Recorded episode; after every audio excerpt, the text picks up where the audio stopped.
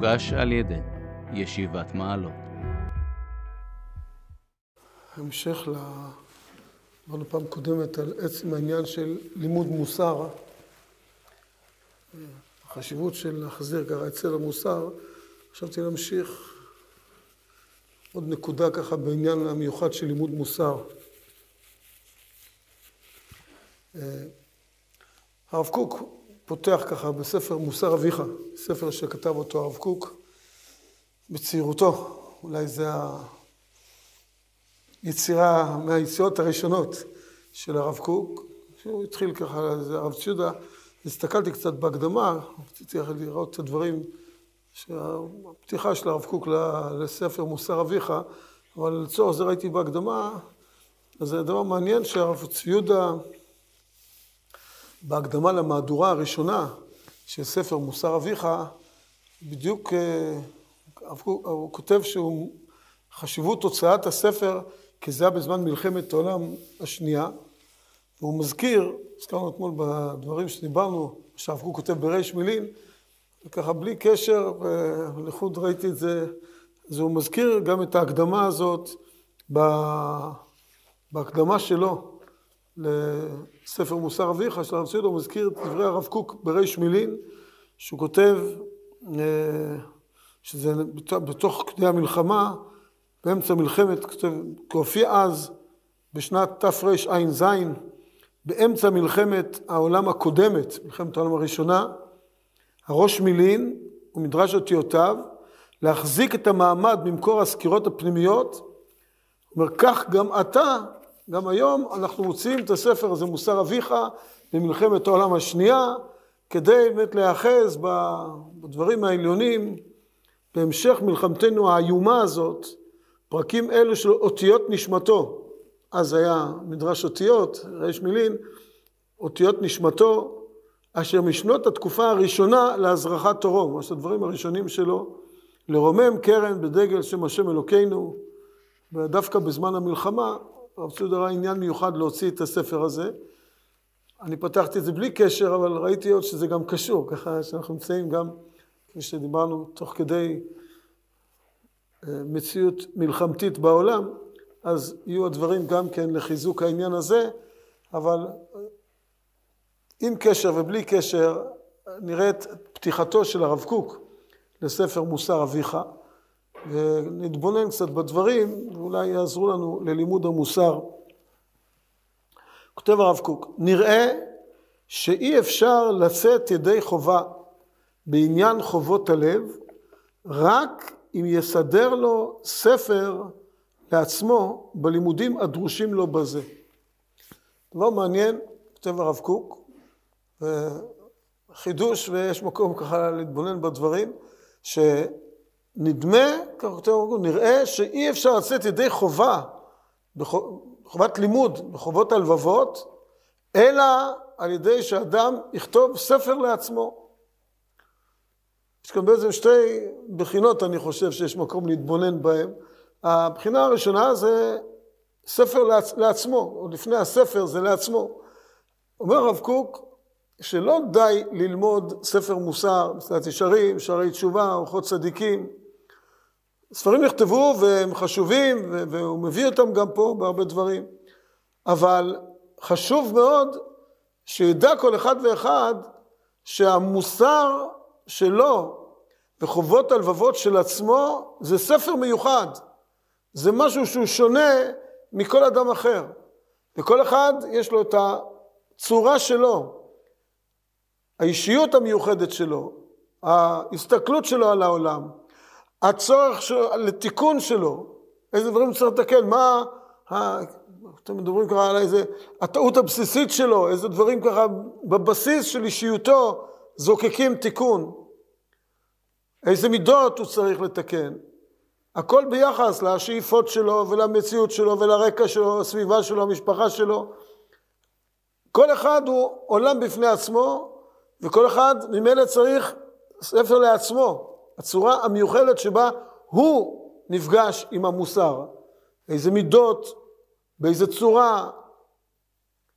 כל אדם, זה חידוש גדול שחשוב לשים לב אליו, כי הרבה פעמים לומדים מוסר, אז גם לומדים ספרים, גם לומדים בחברותא, ולא תמיד שמים לב שכל אחד יש לו גם את הצורך לשבת עם עצמו וללמוד מוסר בעצמו, לא רק ללמוד איזה ספר, אלא איך אני פוגש את הדברים, איזה נקודות אני צריך ומה הדרכים המתאימות לי לתקן את עצמי, את עולמי. זו נקודה מרכזית שאומר הרב קוק, נראה שאי אפשר לצאת ידי חובה, אומר זה, לא יוצאים ידי חובת לימוד מוסר בלימוד ספרים ולימוד עם חברותא, אלא כל אחד עם עצמו. אז זו נקודה ראשונה. נקודה שנייה זה לכתוב ספר. והרב קוק כותב את הספר הזה, אז לכתוב ספר, אז, אז אין הכוונה דווקא לספר עכשיו להפיץ אותו, אלא עצם עניין הכתיבה. הרב סיודה פה מאיר, מהרשע, מביא מהרשע, שפעמים רבות הזכרנו אותו, כל פעם שאנחנו מדברים, כשמדברים על הצורך בכתיבה, הרב סיודה מביא את המהרשע, שהרב קוק כותב ספר, שהמהרשע אומר, מסרת בבא בתרא, בדף י', על הביטוי שמופיע בגמרא, אשרי מי שבא לכאן, שמדובר ככה על, בא לכאן זה הכוונה לעולם העליון, עולם הבא, שבעולם הבא אומרים, אשרי מי שבא לכאן ותלמודו בידו. התקשה מהרשע, מה פירוש המילה תלמודו בידו? התלמוד הוא בראש, הוא לא בידיים. התלמוד זה בראש, בלב, מה זה תלמודו בידו? אומר המהרשע, עיקר לימודו של האדם, ושנעשה בו רושם, הוא לימוד הבא מכתיבת ידו. מדהים. כלומר, המהרשע, עיקר לימודו של האדם, יש כאן, זה דבר מאוד חשוב, יש כאן שתי בחינות בתוך הדברים של המהרשע. עיקר לימודו של האדם. כלומר, זה עצם הלימוד.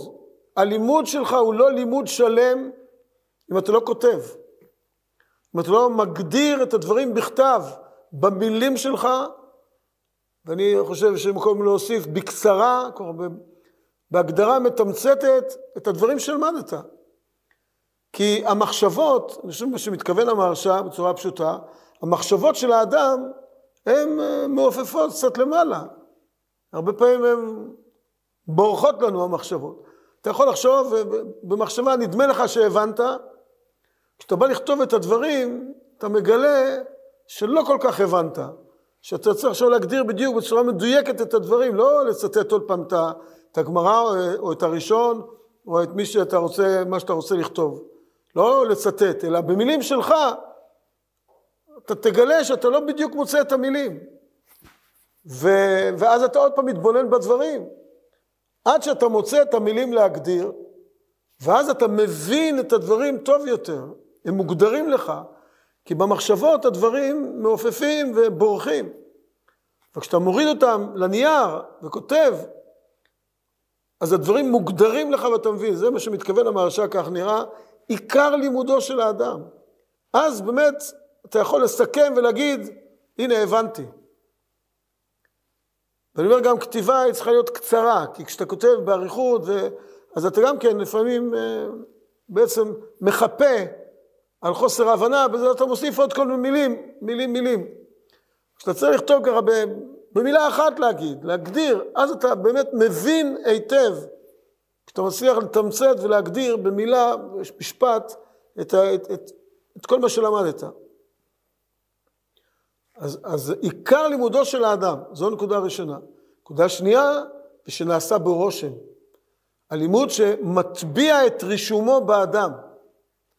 מלבד ההבנה השכלית, יש כאן משהו שנשאר, מטביע את רישומו בך, משפיע על הנפש, גם עוזר מאוד לזיכרון, אבל גם מטביע את רישומו, הוא לא רק אומר שיזכור, אלא שנעשה בו רושם, שהוא עושה לך, מטביע את רישומו, טביעת אצבעות בנפש, במחשבות, באישיות שלך.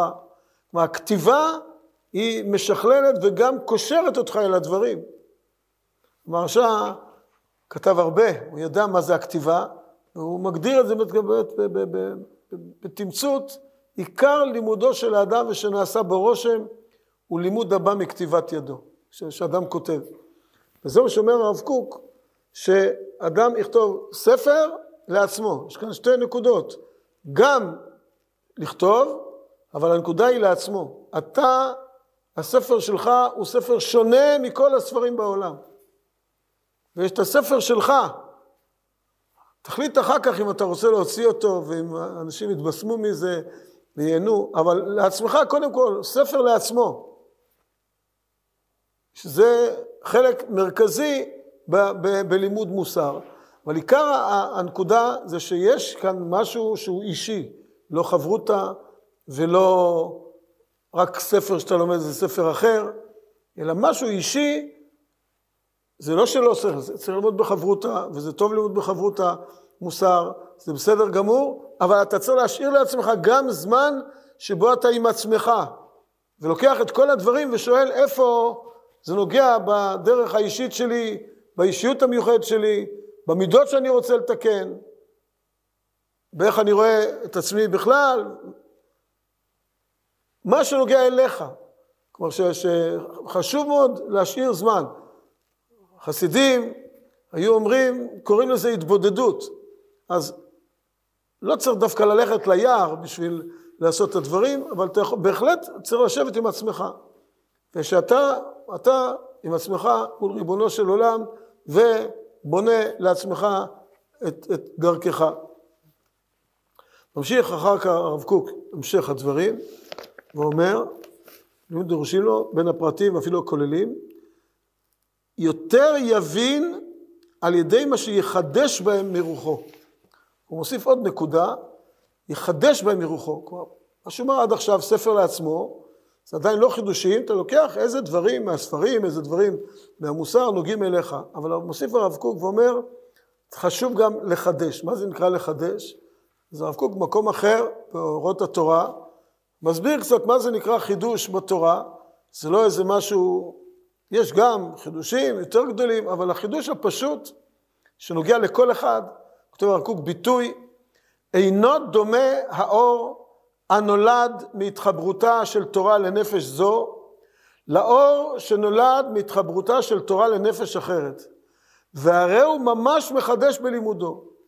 כלומר, המפגש של התורה עם האישיות שלך, יוצא מזה אור שהוא שונה לגמרי מהתחברותה של תורה לכל הנפשות האחרות. אינו דומה. ועצם זה שאתה לומד, והתורה נפגשת איתך, ואתה חוזר על הדברים במילים שלך, במה זה עושה לך, איך זה פוגש אותך, זה כבר חידוש. ולכן מאוד חשוב, השלב השני, אחרי שהוא עובר לספר לעצמו, חשוב מאוד לקחת את זה בצורה שאתה, במילים שלך, אומר את הדברים. שאתה, במה שנוגע אליך, שיהיה אור שנולד מהתחברותה של תורה אל הנפש שלך.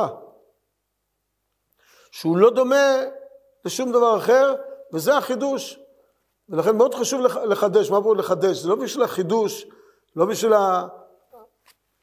הצורה החיצונית שיש כאן איזשהו חידוש, אלא זה יותר מחבר את הדברים אליך.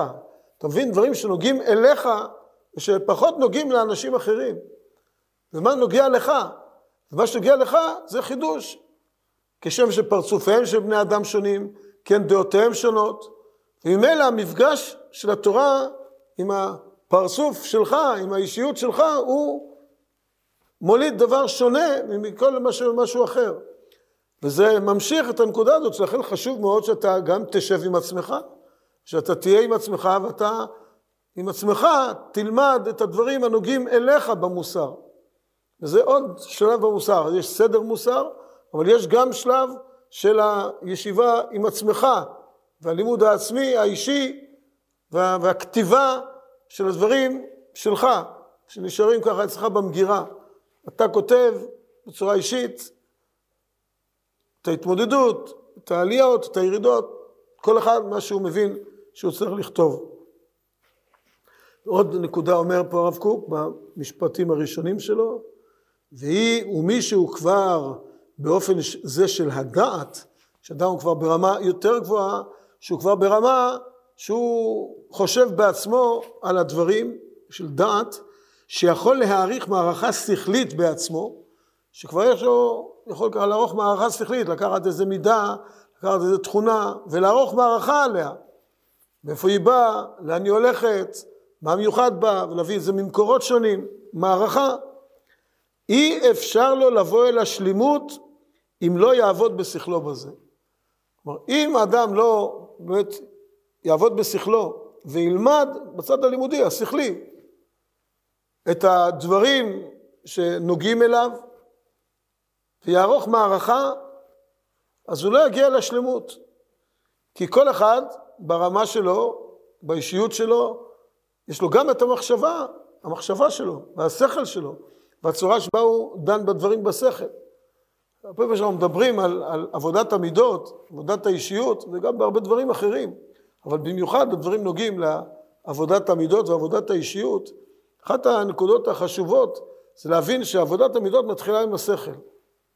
כמה שזה נראה, כמה מידות זה האישיות, זה הלב, זה האדם, אבל מתחיל עם השכל. קודם כל ללמוד למה המידה הזו חשובה, מה טוב בה, מה מגונה במידה ההפוכה לה. להגדיר לעצמך בדיוק מה המידה, זה העבודה השכלית. ואז בא השלב השני להעביר את זה אל הלב, אם זה על ידי תפילה, אם זה על ידי לחזור על הדברים עוד פעם ועוד פעם.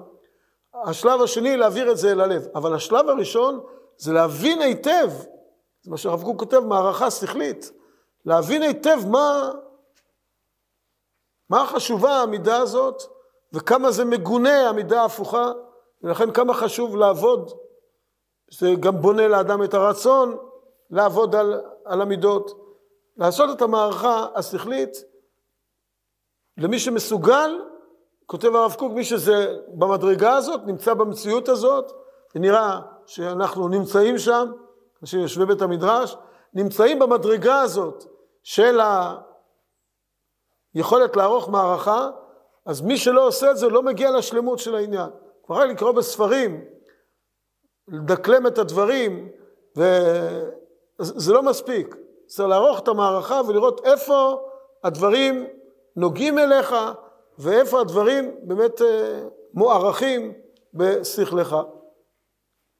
אז זה, זו הפתיחה של הרב קוק. לאחר מכן, כותב הרב קוק, הפרק, זה הפרק הראשון. הפרק השני, במוסר אביך, הרב קוק אה, מביא רשימה של נושאים שחשובים להתעסק, אמונה, בעיקר אמונה, זה, זה הכותרת בעצם, אפשר לומר של זה, זה אמונה. הוא אומר אמונה, עצם אמונה בקדוש ברוך הוא, אמונה בתורה, תורה שבכתב, תורה שבעל פה, אמונה בחוכמת הקבלה, כותב פה הרב קוק, סעיף מיוחד בפני עצמו. זה רשימת הנושאים. אחר כך פרק שלישי, יש כאן נקודה מיוחדת, שאומנם הרב קוק כתב את זה עוד בחוץ לארץ, אבל כבר הוא כותב הרבה פה על ארץ ישראל, ונדמה לי שאולי זאת נקודה מיוחדת שחידושו של הרב קוק בכל במושג הזה של תורת ארץ ישראל, יש במאמרי הראייה, יש שם פרק בשם תורת ארץ ישראל, ספר מאמרי הראייה, שזה ליקוטים של דברים שהרב קוק כתב בכל מיני מקומות, מאמרי, מאמרים שהרב קוק כתב, בכל מיני ליקטו אותם לספר שני כרכים של מאמרי הראייה. אז מאמר אחד, בכל המאמרים יש מאמר אחד שהכותרת שלו זה תורת ארץ ישראל. הרבה פעמים אנחנו מביאים מאגרות של הרב קוק, ומאות אחרים, יש גם מאמר שהרב קוק כתב תחת הכותרת תורת ארץ ישראל. מה הוא כותב שם? הוא כותב שם על צורת לימוד המוסר בארץ ישראל. המוסר, לא לימוד גמרא, לא על לימוד אמונה, לא על לימוד קבלה. כותב על לימוד המוסר בארץ ישראל. וההבדל בין לימוד מוסר בארץ ישראל לבין לימוד מוסר בחוץ לארץ. וזה ההבדל בין הצורה הפרטית של הלימוד לצורה הכללית. מעניין שהפרק השלישי, אז כותב הרב קוק, ומה שהוא מכוון לנקודה הזו, למרות שאתה מאמר, תורה ישראל כתב הרבה שנים אחר כך, אבל הרב קוק כבר בראשית דרכו חש בנקודה הזאת. וכותב הרב קוק, כל זמן שלא ילמד אדם לעצמו, שתתברר לו מעלת נשמת האדם ומעלת ישראל ומעלת הארץ הקדושה, ארץ ישראל, והשתוקקות לכל איש לבניין המקדש, וגדולת ישראל והתרוממותם, כמעט שאי אפשר לטעום טעם עבודה. פסקה מדהימה, בהתחשב שהרב קוק כתב את זה בשלב מאוד מוקדם של החיים, שלב פרנ"ו. בשלב מאוד מוקדם של, של חייו, וכבר כתב את הצורה הזאת, שלימוד המוסר הוא צריך להיות לימוד שלך בתוך הכלל. לא אתה כאיזה אינדיבידואל נפרד, שיש לך את העולם שלך, את ההתכנסות שלך, ואתה עוסק עם עצמך בעולם שלך. זה לא נכון, וזה גם לא העולם שלך באמת. אנחנו חלק מאומה, אנחנו חלק מהאנושות, אנחנו חלק מבניין כללי, ואדם לא יכול לטעום טעם עבודה אמיתית אם הוא לא יודע מה המקום שלך בתוך המערכת הכללית. אתה לא נמצא רק באיזה נקודה אחת, והנקודה הזאת צריכה להיפתר. הנקודה האחת הזאת היא חלק מ... זה כמו שיש תמונה. אי אפשר לטעום טעם של תמונה אם אתה לא רואה את כולה. אם אתה רואה רק חלק קטן מהתמונה, אז אי אפשר לטעום טעם של תמונה, אתה לא חווה חוויה. כך אי אפשר לטעום טעם עבודה מוסרית אם אתה לא רואה את עצמך בתוך המערכת הכללית. ו- ו- וזה נקרא מוסר של ארץ ישראל, שבו אנחנו חיים כאומה, ככלל, ואיך אתה כבן האומה עובד את העבודה המוסרית שלך, מתוך הרצון לתרום לעצמך, להבין שככל שאני אהיה יותר טוב, אז האומה יותר טובה. ככל שהאומה תגדל, אז אני אגדל. ויש כאן יחס הדדי בינך לבין המציאות הכללית שאתה נמצא בה. אתה לא לבד בעולם. וזה מוסר מיוחד, מוסר של ארץ ישראל, כפי שהרב קוק מגדיר את זה במאמר שלו בתורת ארץ ישראל. נדמה שדווקא, שוב, זה מתקשר ככה לימים הגדולים שנמצאים, שאנחנו נמצאים בהם. ראית האומות מתגרות זו בזו, צפה לרגלו של משיח. ללמוד מוסר לא רק סתם ככה, כמו שאתה היית לומד היום, כמו שמישהו לפני מאה שנה למד באיזה מקום אחר, אלא גם לאור הרצון שלנו להיות שותפים בתהליך המופלא שאנחנו נמצאים בתוכו, של שיבת עם ישראל לארצו ובדרך לגאולה השלמה, לבניין בית המקדש. לראות איפה אנחנו שותפים לכל התהליך, חלק מכלל. כלומר, לא רק לימוד אישי, פרטי, שאני לומד את הלימוד האישי שלי, אלא להבין שאנחנו חלק ממערכת כללית. ובדור שלנו אנחנו חלק מדור, ועוד יותר אנחנו חלק מתהליך שאנחנו ממש נמצאים בתוכו. כמו שהרב קוק מגדיר את זה, הזכרנו באורות, כשיש מלחמה בעולם, מתעורר כוח משיח, יש כאן משהו מתעורר, התהליך עובר, עולה כיתה, עולה מדרגה.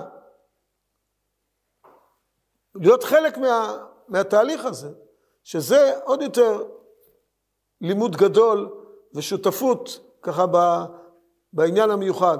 אז מהעניין הפרטי שכל אחד, גם שהרב קוק עובר את התהליך הזה במוסר אביך, מהצורה הפרטית כל אחד כותב ספר לעצמו, ומיד ככה, עמוד אחר כך, אז הוא מגיע שאי אפשר לכתוב ספר לעצמו אם הוא לא מבין את נשמת האדם, נשמת האומה, ארץ ישראל, השאיפה למקדש.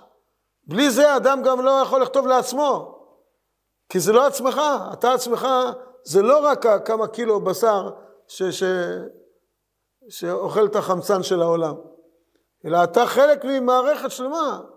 אתה תורם, אתה, אתה, האישיות שלך היא חלק מהתהליך. ואם לא תקלוט את עצמך בצורה הזאת, אז העבודה לא תהיה שלמה. אינו תואם, אי אפשר לטעום טעם עבודה. אדם לא באמת תואם טעם עבודה אם הוא נשאר סגור בעצמו ולא מבין את המציאות שלו בתוך הכלל עם כל המשמעות של זה. אז יש כאן באמת הדרכה מאוד חשובה של הרב קוק, שכשרואים את כל התמונה כולה, אז באמת אה, יש כאן אתגר גדול שהרב קוק נותן לפתחכם, לפתחנו, לכולנו.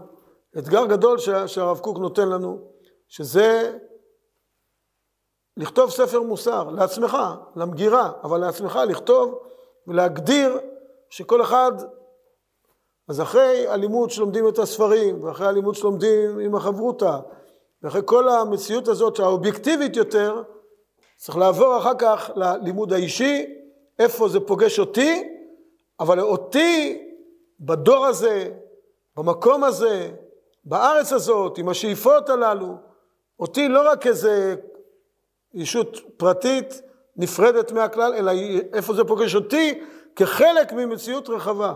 ולכתוב את זה ולהגדיר לעצמך את זה, שזה ודאי יהיה התקדמות גדולה בלימוד המוסר, כמו שאנחנו עכשיו ככה רוצים להיות בתקופה שמתעוררים יותר ללימוד המוסר ולימוד הדברים הללו בעניין האישיות שלנו, כחלק מהתהליך הגדול שנמצאים, בעזרת השם, שיהיו הדברים ככה יתקבלו על הלבבות ויפעלו לטובה, למעשה, בעזרת השם, תוך בריאות ושמחה, לאורך ימים ושנים טובות.